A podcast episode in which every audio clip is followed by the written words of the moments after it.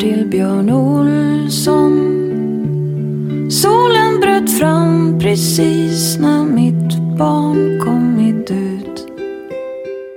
Då bryter vi ut i ett nytt avsnitt av BVC-podden och idag ska vi prata om tvillingar. Lite också trillingar och att få fler barn överhuvudtaget samtidigt. Jag heter Malin Bergström och är barnhälsovårdspsykolog och idag träffar jag jag heter Katarina Almqvist Malmros. Och vem är du Katarina? Jag är, eh, jag är barnläkare eh, och jag jobbar på, på eh, astma och lung, astma allergimottagningen på Astrid Lindgrens barnsjukhus i Stockholm. Eh, och jag är också professor i klinisk epidemiologi på Karolinska institutet. Och där jobbar jag mycket med tvillingar och forskar kring tvillingskap bland annat. Och vi ska återkomma till din forskning och till det här med tvillingstudier. Men först vill jag fråga dig lite sådana här basala fakta kring flerbarnsfödslar. Alltså hur vanligt är det till exempel att man får tvillingar eller flera barn samtidigt? Eh, man brukar säga att, eh, att eh, tvillingar, det föds ungefär 1500 tvillingpar om året i Sverige. Och det betyder att ungefär mellan 2 och 3 procent av alla barn är tvillingar. Och eh, den här frekvensen skiljer sig åt i olika delar av världen. Men i Sverige är det ungefär, ja, ungefär två, mellan 2 och 3 procent som är tvillingar. Trillingar är väldigt ovanligt. Det är mindre än 100 par per år i Sverige. Och att man får ännu fler barn samtidigt. Det förekommer men är extremt ovanligt, eller? Det är väldigt ovanligt du, hur kan det komma sig att det är högre chans att få tvillingar om man eh, bor i Afrika och lägre chans om man bor i Asien till exempel? Det är ärftliga faktorer som påverkar. Om vi kan reda ut en sak till så tänker jag då på en och tvåäggstvillingar. Är det mm. den frekvensen som varierar över världen och vad är det för skillnader mellan att få enäggs och tvåäggstvillingar? Mm. Det är en jättebra fråga. Man kan säga så här att eh, enäggstvillingar, eh, de delar ju 100% av genomet. De har exakt samma eh, genuppsättning. Medan tvåäggstvillingar, de delar ungefär 50% av de segregerande generna. Det vill säga att tvåäggstvillingar är inte mer lika än andra syskon. Och vad det här beror på det är ju att när en del kvinnor har lättare att släppa ifrån sig två ägg vid ägglossning. Och den tendensen att släppa ifrån sig två ägg har man sett att den ökar till viss del med att kvinnan blir äldre. Och när man släpper ifrån sig två ägg vid ägglossning då blir båda två, kan då båda två bli befruktade av två olika spermier och då blir det tvåäggstvillingar. Och då får de alltså olika arvsmassa genom att olika ägg smälter ihop med olika spermier. Eh, så de är väldigt lika vanliga syskon förutom det då att de, de föds samtidigt och ligger i magen samtidigt. Medan enäggstvillingar, de, det blir ju när en, en sperm befruktar ett ägg och det ägget sen delar sig i två. Så de två fostren får exakt samma arvsmassa och blir väldigt lika varandra. Och man brukar säga att ungefär, i Sverige så är det ungefär en tredjedel av alla tvillingar som föds är enäggstvillingar. Och enäggstvillingar är, är, är ju alltid samma kön. Och ungefär en tredjedel är tvåäggstvillingar där man har samma kön. Båda är pojkar eller båda är flickor. Och ungefär en tredjedel är så att säga tvåäggstvillingar med olika kön, en pojke och en flicka. Och om man tittar internationellt, är det båda typerna av tvillingar som varierar eh, över världen eller är det en av de här typerna? Jag kan inte svara på det, hur det ser ut över världen. Eh, det man, det man vet det är att det finns en eh, viss ärftlighet för eh, det här att släppa ifrån sig två ägg. Så man kan säga att tvåäggstvillingar finns det en viss ärftlighet för hos kvinnorna. Det vill säga att det ärvs på kvinnor. Men en man som är tvåäggstvilling där ärvs inte den tendensen så att säga, att släppa ifrån sig två ägg. Hög ålder och, hos mamma och ärftliga, ärftlighet, det påverkar chansen att få tvåäggstvillingar. Men hur ser det ut med enäggstvillingar? Det finns en viss, det finns en svensk studie där man har sett att det, hos enäggs, kvinnor som är själva är enäggstvillingar så finns det en liten ökad chans att själv få enäggstvillingar. Men den är, det är en väldigt liten studie men det, det, syns, det finns ändå en, en, en, en tendens till att det kanske också finns en viss ärftlighet för de som själva är enäggstvillingar att få enäggstvillingar. Mammorna, men inte heller där ärvs det på pappas med pappa. Okej, okay, så det är någon slags benägenhet hos mamman då som man har kunnat identifiera. Och du, om man tänker att man får tre barn, hur ser det ut? Är de enäggstrillingar eller fleräggstrillingar? Eller kan det där se olika ut? Det är en bra fråga. Jag är inte säker på den faktiskt. Men jag tror, jag kan tänka mig att det framför allt, de trillingar som finns, framför allt har haft att göra med att det har varit så att säga, stimulerad ägglossning och då är det ju ofta flera ägg som släpps.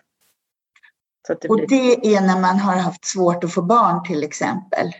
Ja, alltså i slutet på, i slutet på 1900-talet så gjordes det ju, så, gjorde man, så lärde man sig väldigt mycket om det som heter IVF-behandling, alltså in vitro-fertilisering. Man lärde sig väldigt mycket om hur man kan hjälpa par som inte kan få barn, hur man kan hjälpa dem att få barn. Dels genom så att säga, hormon, eh, hormonstimulering, eh, att man stimulerar ägglossningen. Eh, men också det att man då lärde sig att ta ut, ta ut äggen och sätta in, ta ut äggen, befrukta dem utanför kroppen och sen sätta in dem igen. Och då gjorde man ofta så, när man började med det, att man satte in två ägg för att, för att vara säker på att det skulle bli ett lyckat resultat. Men allt eftersom man lärde sig mer så, så, så, så, så, så klarade sig båda äggen och då, då blev det också ofta tvillingfödslar.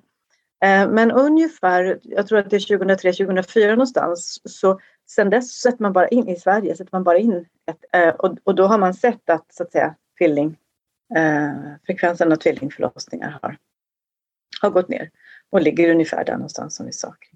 Så att vi hade kring millennieskiftet så var det en ökning i andel tvillingar och annars så är det där en prevalens som har legat konstant ja. över tid. Ja, det har ju också ökat.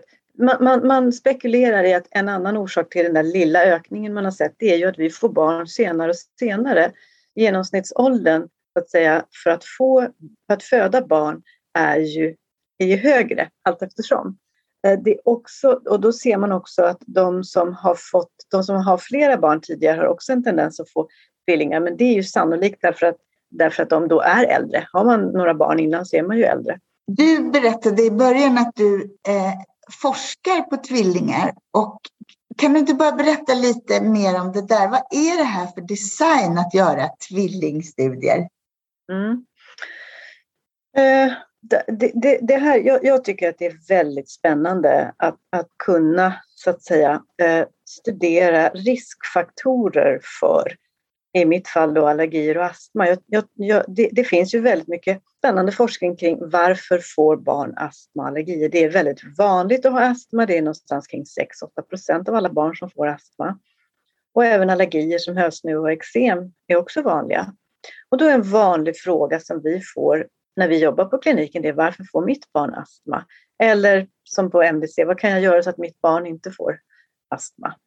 Eh, och, och då finns det mycket forskning i, i Sverige och internationellt på olika typer av riskfaktorer. Men många gånger när man studerar riskfaktorer så finns det mycket som så att säga samvarierar med, med eh, en riskfaktor. Många saker som hör ihop. Och, och det som då tvillingarna kan bidra med är att man kan bidra, de bidrar ju med att de har samma miljö. Det vill säga de, de, delar, eh, de delar miljö. Enäggstvillingar delar ju dessutom arv, alltså generna. Tvåäggstvillingar delar 50 procent av sina segregerande gener. Så, så det man kan göra med tvillingstudier och tvillingdesign är att man på något sätt kan försöka se om det finns en riskfaktor eller en konsekvens av astma. Eh, hur ser den ut först i hela befolkningen så tittar man, om vi tittar till exempel på inte vet jag, födelsevikt. Är födelsevikt en riskfaktor för astma? Tittar man först i hela befolkningen och ser man ett samband där, ja, barn med låg födelsevikt har en högre risk för astma. Då kan man gå till tvillingparen och så tittar man inom tvillingparen.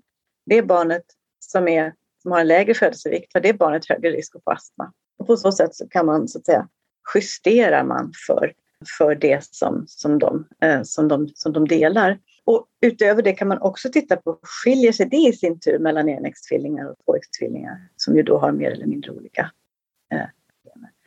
Så man kan på det sättet förstå vad är det som finns i arvet, i generna, vad är det som finns i miljön, den miljön som tvillingarna delar och vad är det som finns i den så att säga, egna miljön, det som barnet själva har med deras egen, eh, egen miljö.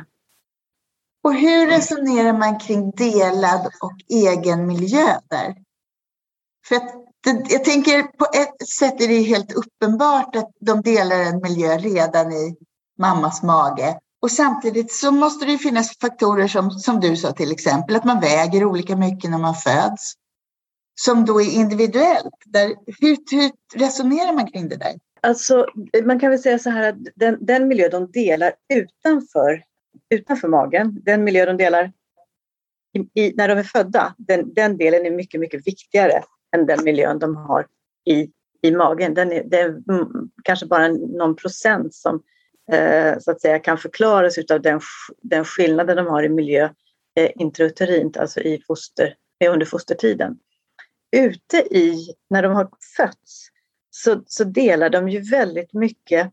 Alltså de delar ju inte bara det att man har, har man en katt, då är båda, båda tvillingarna exponerade för katter eller hundar. Eh, det är inte bara det om mamma eller pappa röker, det är inte bara det de delar, utan de delar, de delar dessutom kost och livsstil och utomhusaktiviteter. Alltså de delar ju väldigt, väldigt mycket. Och den, den lilla egna del de har som barn har, som är deras egen, den är ju väldigt liten. Den blir mycket större när de flyttar.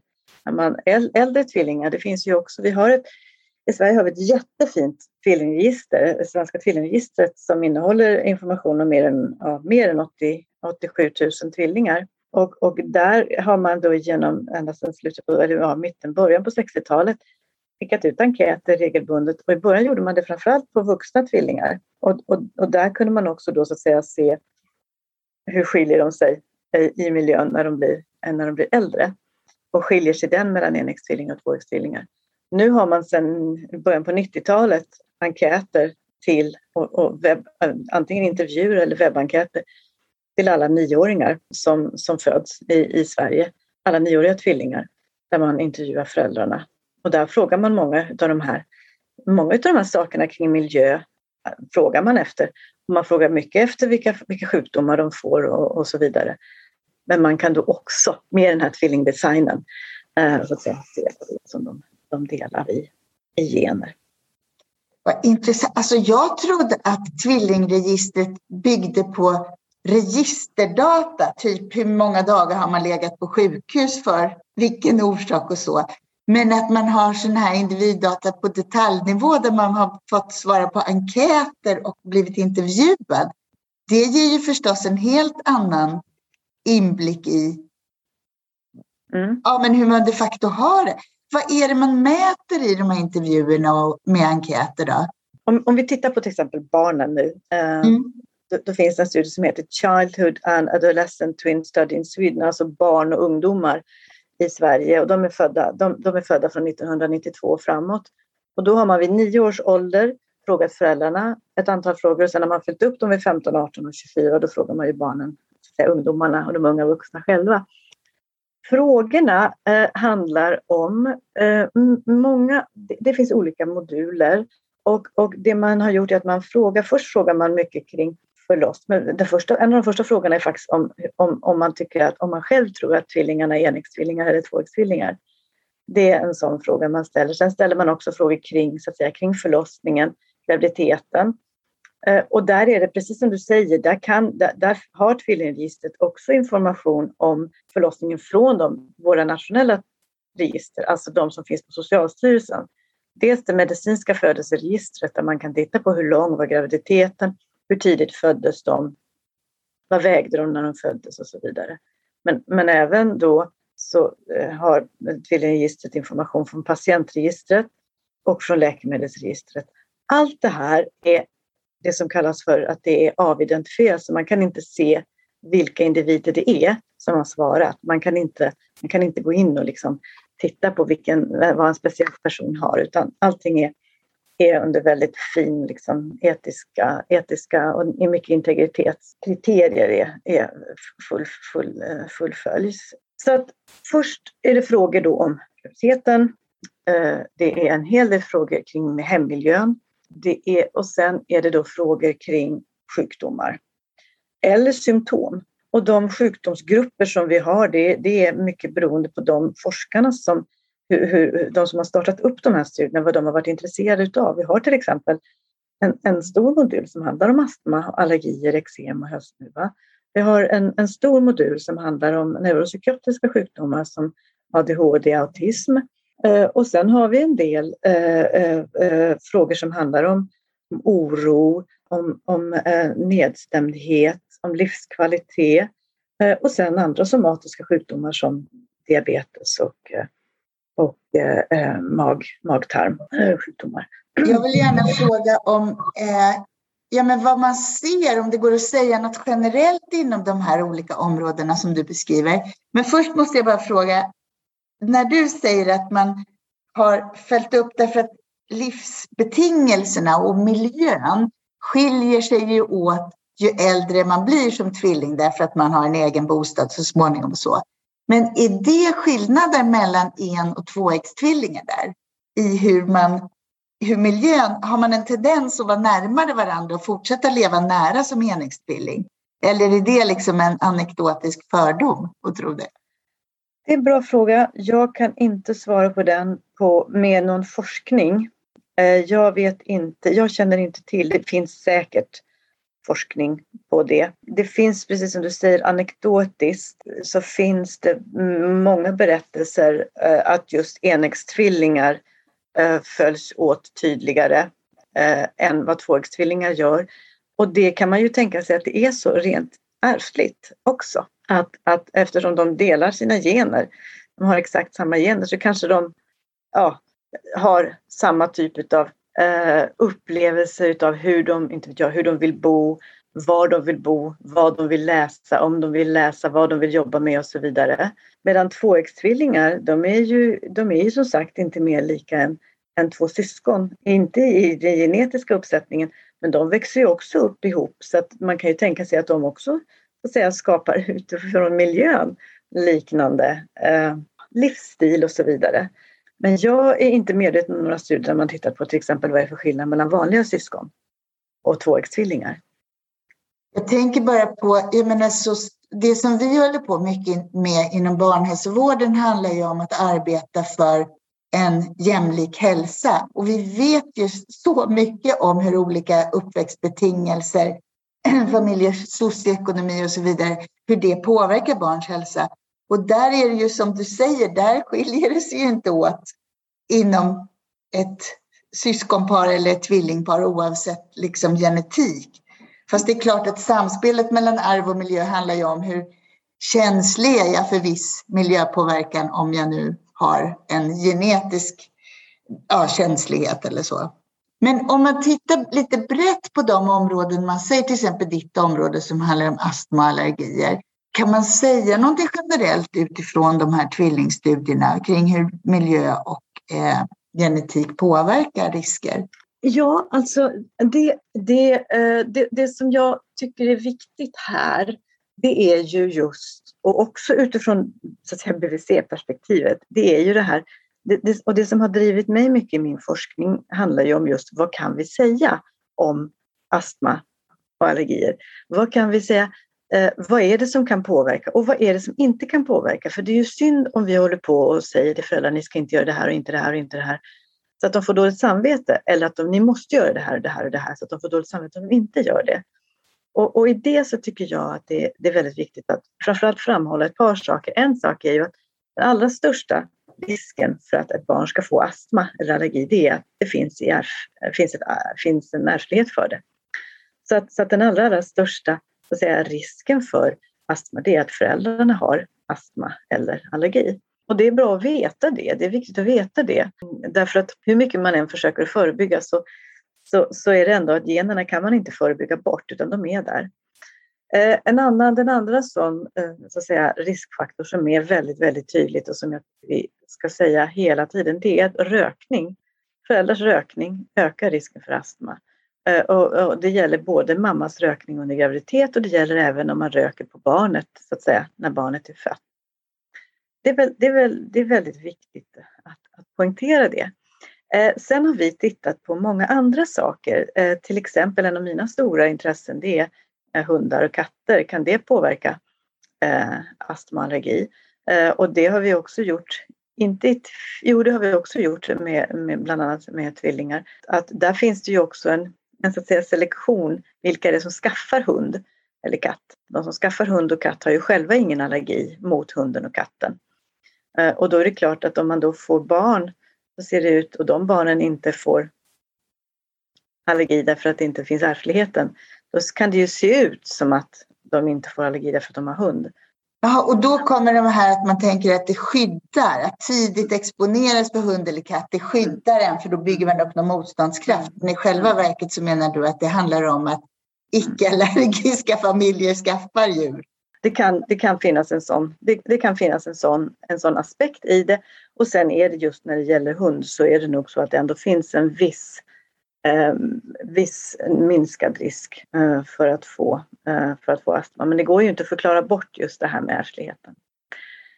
Eh, men det var ett exempel. Eh, det, det, det, sista exemplet som jag vill ge det är just en sån här sak som jag nämnde innan. Det, var, det är just det här med, med födelsevikt. till exempel. Födelsevikt det kan man ju inte det går ju inte att vara eh, Eh, det går ju inte att eh, förebygga vilken typ av födelsevikt ens barn ska få men där ser man väldigt tydligt att barn som föds med en låg födelsevikt de har en ökad risk att få astma. Det ser man både i en hel population men också inom tvillingar, inom tvillingparen. Eh, och, och, och där är det någon sorts så att säga, fetal programmering, någonting som sker i fosterlivet som, som, som påverkar utvecklingen av astma, den ökade risken för astma. Men, men eh, eh, good news där, goda nyheter där, det är att, att de som också har en låg födelsevikt, de har å andra sidan mindre risk att, att äh, få äh, höstnuva och eksem. Som att de liksom, immunsystemet på något sätt skyddar, är skyddat i den där äh, hos dem med låg födelsevikt. Så, så att, och det här kan ju vara bra att veta just på för föräldrar och, och, och, på BVC att man så att säga vet att de här småbarnen är mer sårbara. Jag tänker nu, eh, nu kanske jag drar iväg här men just nu när det är säsong och, och, och man verkligen, verkligen, verkligen måste se till att man håller de små barnen hemma och ännu mer så de, de små barnen som är födda tidigt och som är födda små och sådär. För det vet vi att de barnen som får RS tidigt, de har en ökad risk att få astma. Nu måste jag bara åter komma till det här med hundar och katter. Hur var det? Är det så att det inte skyddar barn? Det är inte gynnsamt att ha, växa upp med djur, pälsdjur hemma. Eller fanns det en liten sån skyddsfaktor? Eh, vi har gjort, vi har inte gjort tvillingstudier på det här utan vi har gjort det här, vi har gjort studier dels i lite mindre sådana här eh, kohorter, kliniska kohorter, eh, kliniska grupper med barn som är födda över tid. Vi har också gjort eh, studier i de nationella hälsoregistren där vi även har kunnat koppla in eh, hundregistren. Det finns två hundregister i Sverige, ett som hålls av Kennelklubben och ett som hålls av Jordbruksverket. Eh, och där kan vi se vilka barn det är som hade hund under sitt första levnadsår. Och de här studierna publicerades för ett par år sedan och där, där såg vi att det fanns en liten minskad risk för för astma och allergier hos de här barnen. Men, men, men en väldigt, väldigt liten eh, minskad risk. Man ska absolut inte skaffa hund för att skydda sina barn. Eh, det som är viktigt här också är att vi följer upp de här studierna med att titta på de här olika, det som kallas för eh, hypoallergena hundar eller så att säga allergifria hundar. Och då var det väldigt tydligt att vi såg mycket, mycket mer astma och allergier i de grupperna där man hade allergifria hundar.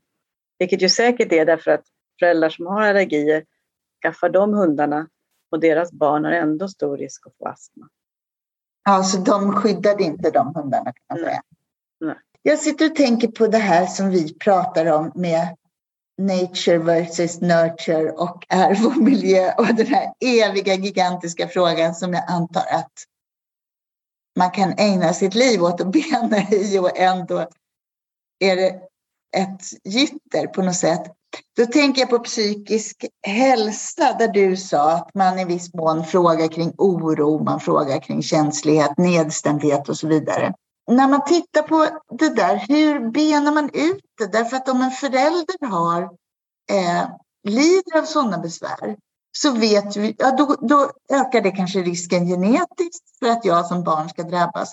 Men det är också så att det faktum att min förälder har de här besvären under uppväxten påverkar föräldraskapet och därmed kanske min benägenhet. Hur ska man sortera i det här och hur kan man tänka omkring det? Jag skulle vilja dela upp den frågan i två. Först skulle jag vilja svara på det här med nature, nurture, nature så att säga, vad vi menar, eh, vad vi menar med ehm, ja, så att säga, vikten av vad som är arv och miljö. Om vi börjar med att säga, eh, om vi börjar med att prata om, om det så tänker jag att, att, eh, att, att, så att säga, biologiska familjemedlemmar, den främsta orsaken till att de liknar varandra det är ju genetik. Det är ju ärftlighet. Och, och en, en, en delad miljö har en inte lika stor betydelse för hur de ser ut utan då är det genetiken, ärftligheten. Sen, sen är, har ju miljöfaktorerna som, så att säga, som kategori eh, viktiga, är också viktiga och ibland viktigare än generna för hur det ska gå eh, i livet och vad man ska drabbas av. De miljöfaktorerna kan ju ofta vara liksom, ja, lite, eh, lite slump eller tur och otur vilket gör att de är väldigt oförutsägbara. Och det tredje då, de här enskilda miljöfaktorerna, de förklarar ju väldigt, väldigt lite. Men, men jag, jag, det där tycker jag är viktigt att vi poängterar att, att ärftligheten spelar en väldigt stor roll. Eh, miljöfaktorerna spelar också stor roll men, men eh, kan, vara, kan vara väldigt så att säga slump, slumpmässiga.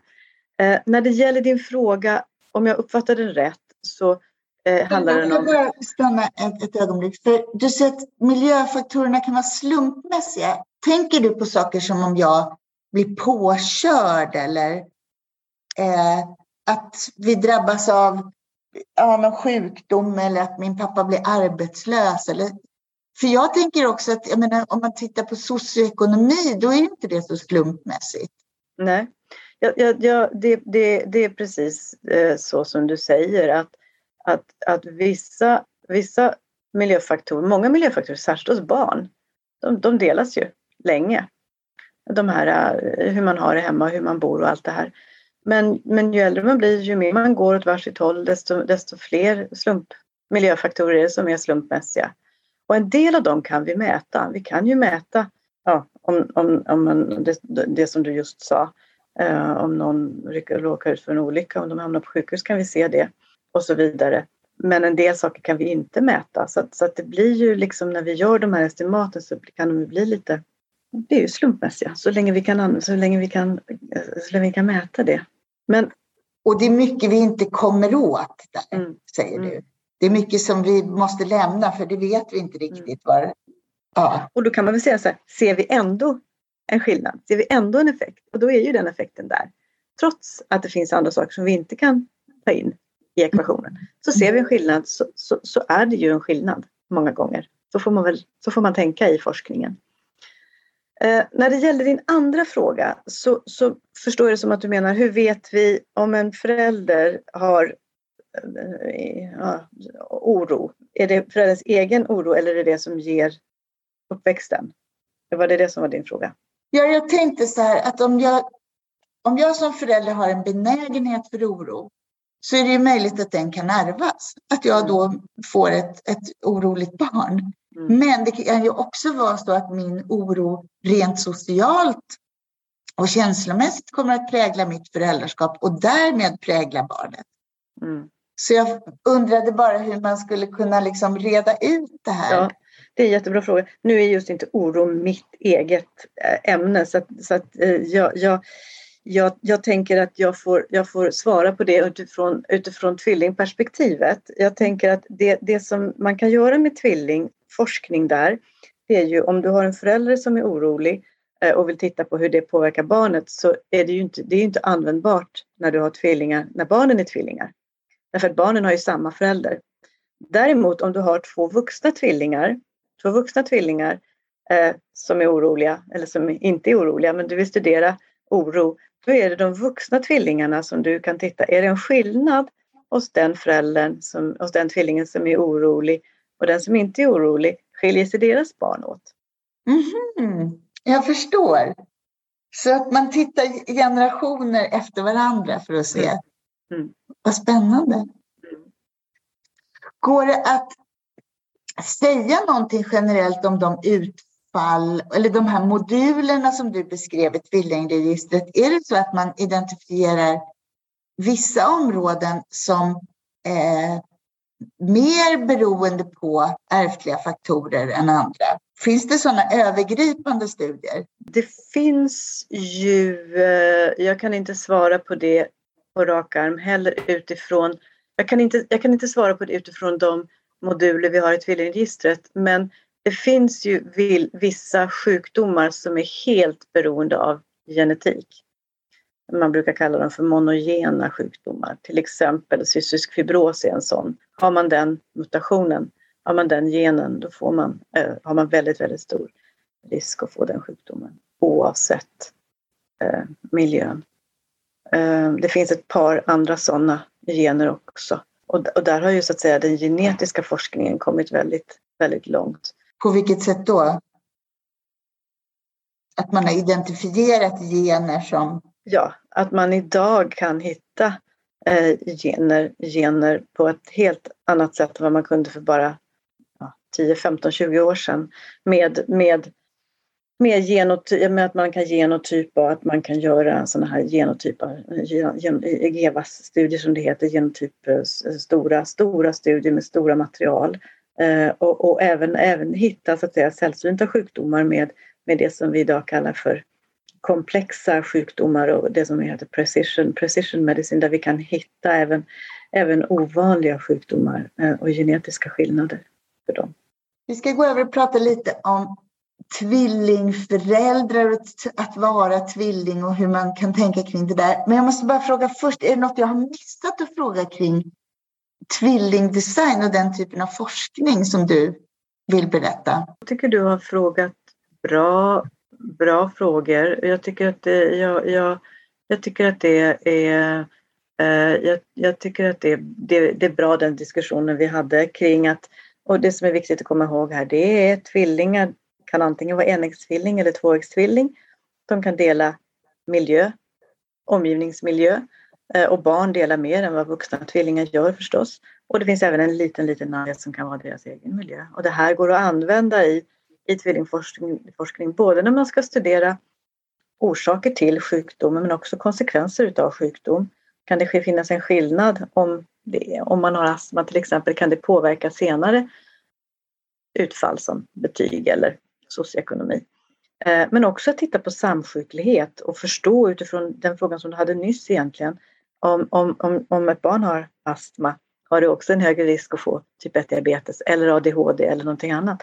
Att man kan titta på en samsjuklighet och förstå mer om vad i så fall, vad i så fall kan vara det, hur mycket av det som kan vara genetik, hur mycket som kan vara miljö. Och sen kan man utifrån det då gå vidare in i, i de här mer komplicerade genetiska analyserna.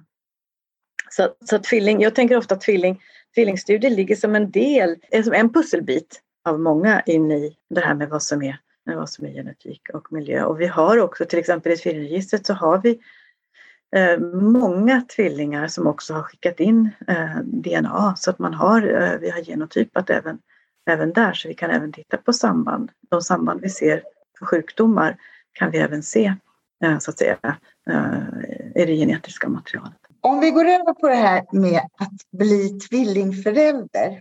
Vad, hur, hur är det? Vad är det för känslor som väcks när föräldrar får ett sånt här besked? Och vilket stöd ger vi i vården idag?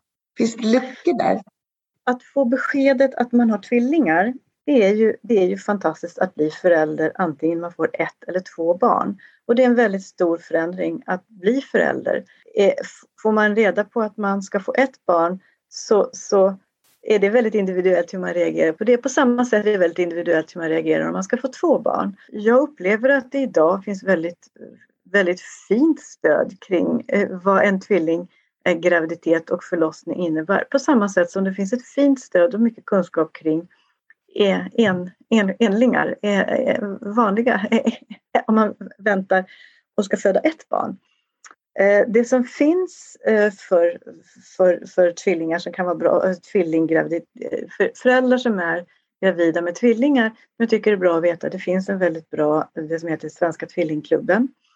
Eh, det finns också mycket bra information på, på 1177 på vanliga vård, eh, Vårdguiden. Det finns mycket kunskaper om det här också inom både mödra och barnhälsovård. Jag brukar tänka på det utifrån att är man tvillingförälder, väntar man tvillingar, ja då väntar man ett barn så, så behöver man förbereda sig för att föda barn. Väntar man två barn så behöver man förbereda sig för det. Men det är inte dubbelt så jobbigt att föda två barn. Eh, eller att få två barn. Att, att, att, föda ett barn och redan ha ett syskon till exempel kan ju, eh, kan ju vara minst lika jobbigt som att föda två barn på en gång. Men, men jag tycker att eh, just eh, både 1177 och Svenska Tvillingklubben är jättebra utifrån att det finns särskilda frågor att ställa. Man kan ställa frågor och en fråga som ofta kommer är det jobbigt att föda? Är det jobbigt att föda? Det är jobbigt att föda tvillingar och där brukar man väl säga att, att, att det är inte dubbelt så jobbigt att föda tvillingar som det är att föda ett barn. Eh, oftast så är det ju så rent liksom fysiologiskt att Föder man ett barn föder man ungefär 50 procent föder vaginalt och 50 procent föds med kejsarsnitt.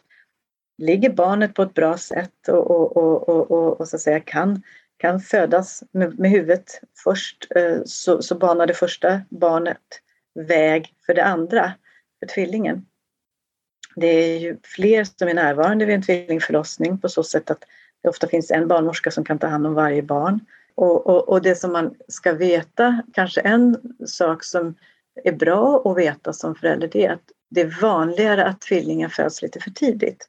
Och, och, och orsaken till det, mycket av det har ju med så att säga, plats att göra. Det, tvillingar, man, magen, det, det, ett barn väger ju ungefär, om man säger i snitt 3,5 kilo när det föds. Men det är väldigt, väldigt svårt att, att, så att säga, bära på 7 kilo så, som, som tvillingar i så fall skulle, skulle väga. Så det är väldigt vanligt att man föder eh, lite för tidigt ibland, mycket för tidigt och föds det mycket för tidigt då är det ofta med kejsarsnitt för att så att säga skydda, skydda barnet.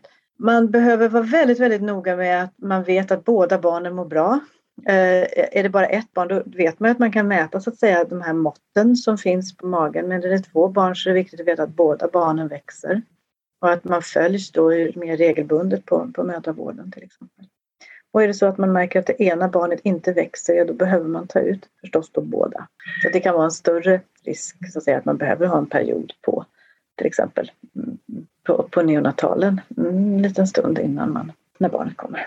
Så det du säger det är att vi är så vana vid att hantera och bemöta och ta hand om eh, tvillinggraviditeter och tvillingfamiljer. Att vi har liksom rutiner för det här som gör att vi, vi följer dem på ett sätt så att det här blir tryggt. Ja, ja så jag uppfattar att det är så. Sen finns det säkert en del som tycker annorlunda eh, runt om i Sverige. Men, men jag, jag, jag uppfattar att kunskapen finns där och, och, och kan spridas på ett inte alldeles för besvärligt sätt. Jag tänkte också på det du svarade kring hur man upplever att få beskedet att man väntar två barn. Och då säger du att ja, men det är nog lika individuellt som hur man upplever beskedet att man ska bli förälder till ett barn. Och då tänkte jag på inför den här inspelningen så pratade jag och Bosse som är vår producent med en tvillingpar som är knappt i 30-årsåldern och frågade vad, vad är liksom den vanligaste frågan man får som tvilling? Och det, då sa han att ja, men det är så här, hur känns det att vara tvilling? Och jag tänker att det är väl ungefär så att man, man vet ju inte hur det är att vara någonting annat och så är det väl att bli förälder också. Blir man förälder till två barn då är det den erfarenheten man har och har mm. inget annat att jämföra med om man inte råkar ha fått ett barn innan. Liksom. Det är, en bra, det är en bra synpunkt. En annan väldigt, väldigt vanlig fråga man får är ju det här, är det enäggstvilling eller tvåäggstvilling? Och det vet man alltid eller?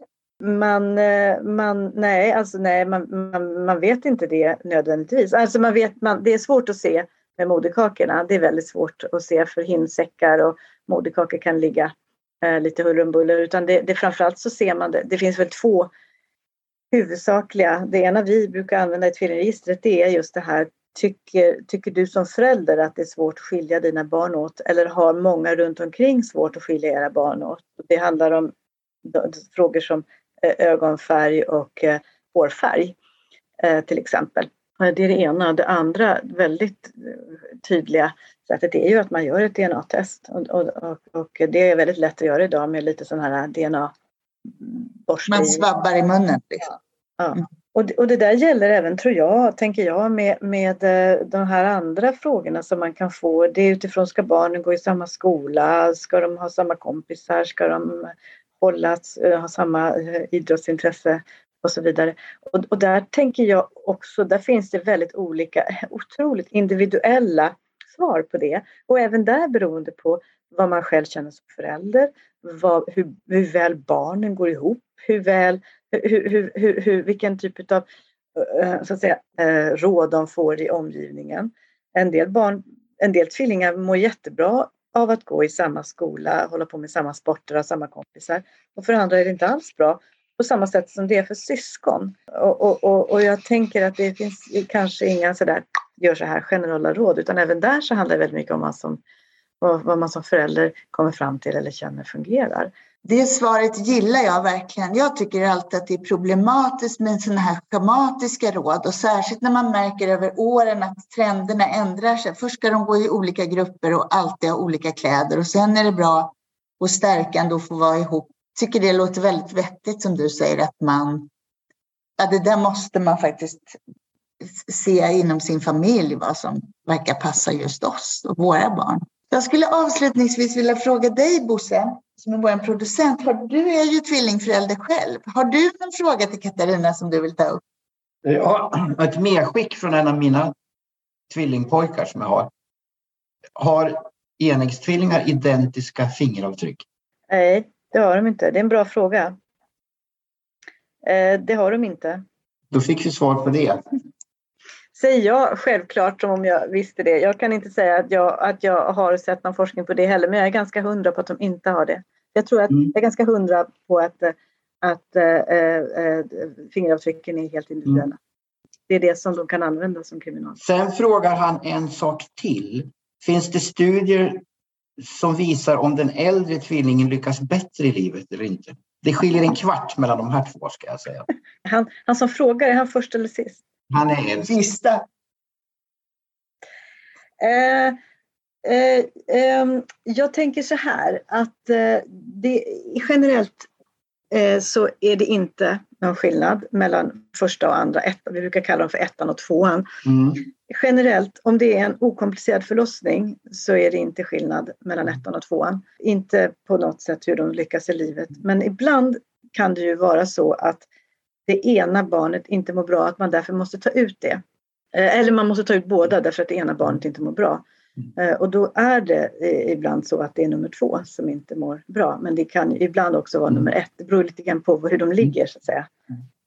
Um, så, att, så jag kan inte, jag, jag, jag, jag, och jag tror inte att det finns någon, jag, jag, vet, jag är inte medveten om någon forskning mm. som handlar om just den, den eh, frågan om det är en skillnad mellan ettan och tvåan.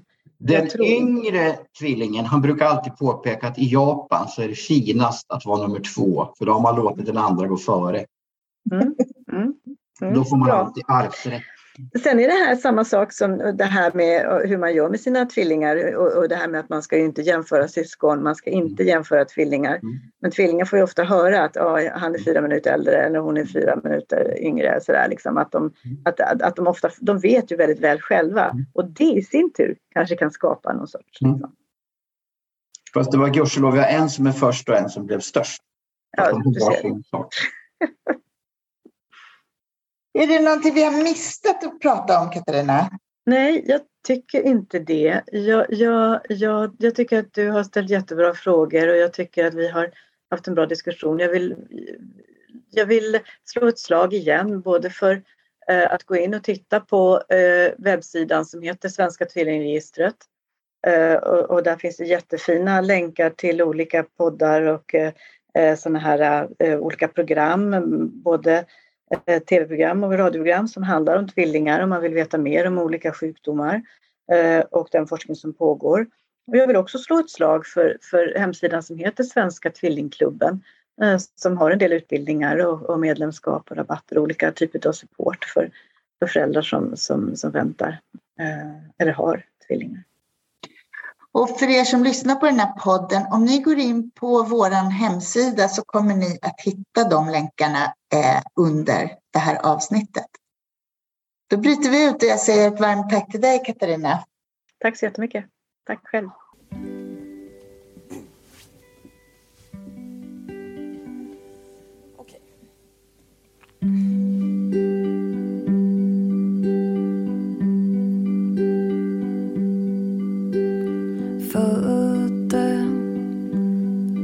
Barn till Björn Olsson. Solen bröt fram precis när mitt barn kommit ut. Låg i en pöl av svett och blod. Barnmorskan sa, jag såg din spelning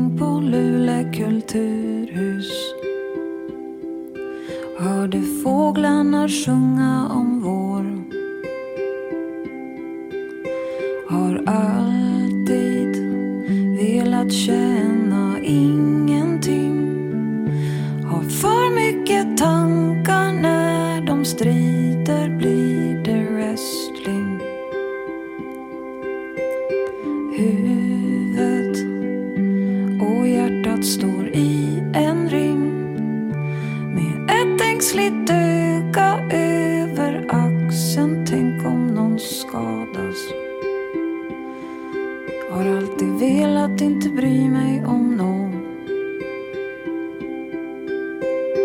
Sen du kom ser jag hur bladen knoppas, löven faller. Jag är ett av dem.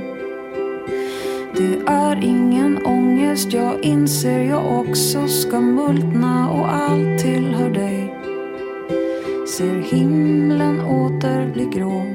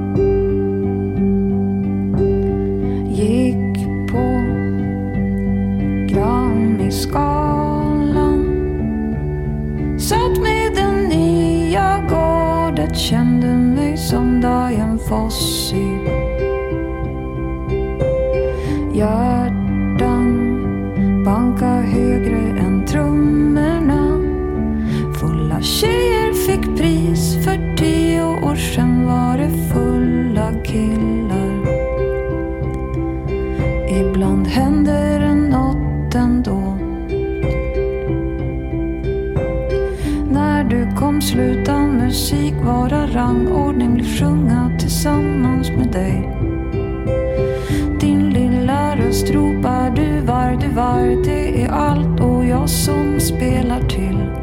Och jag förstår musik i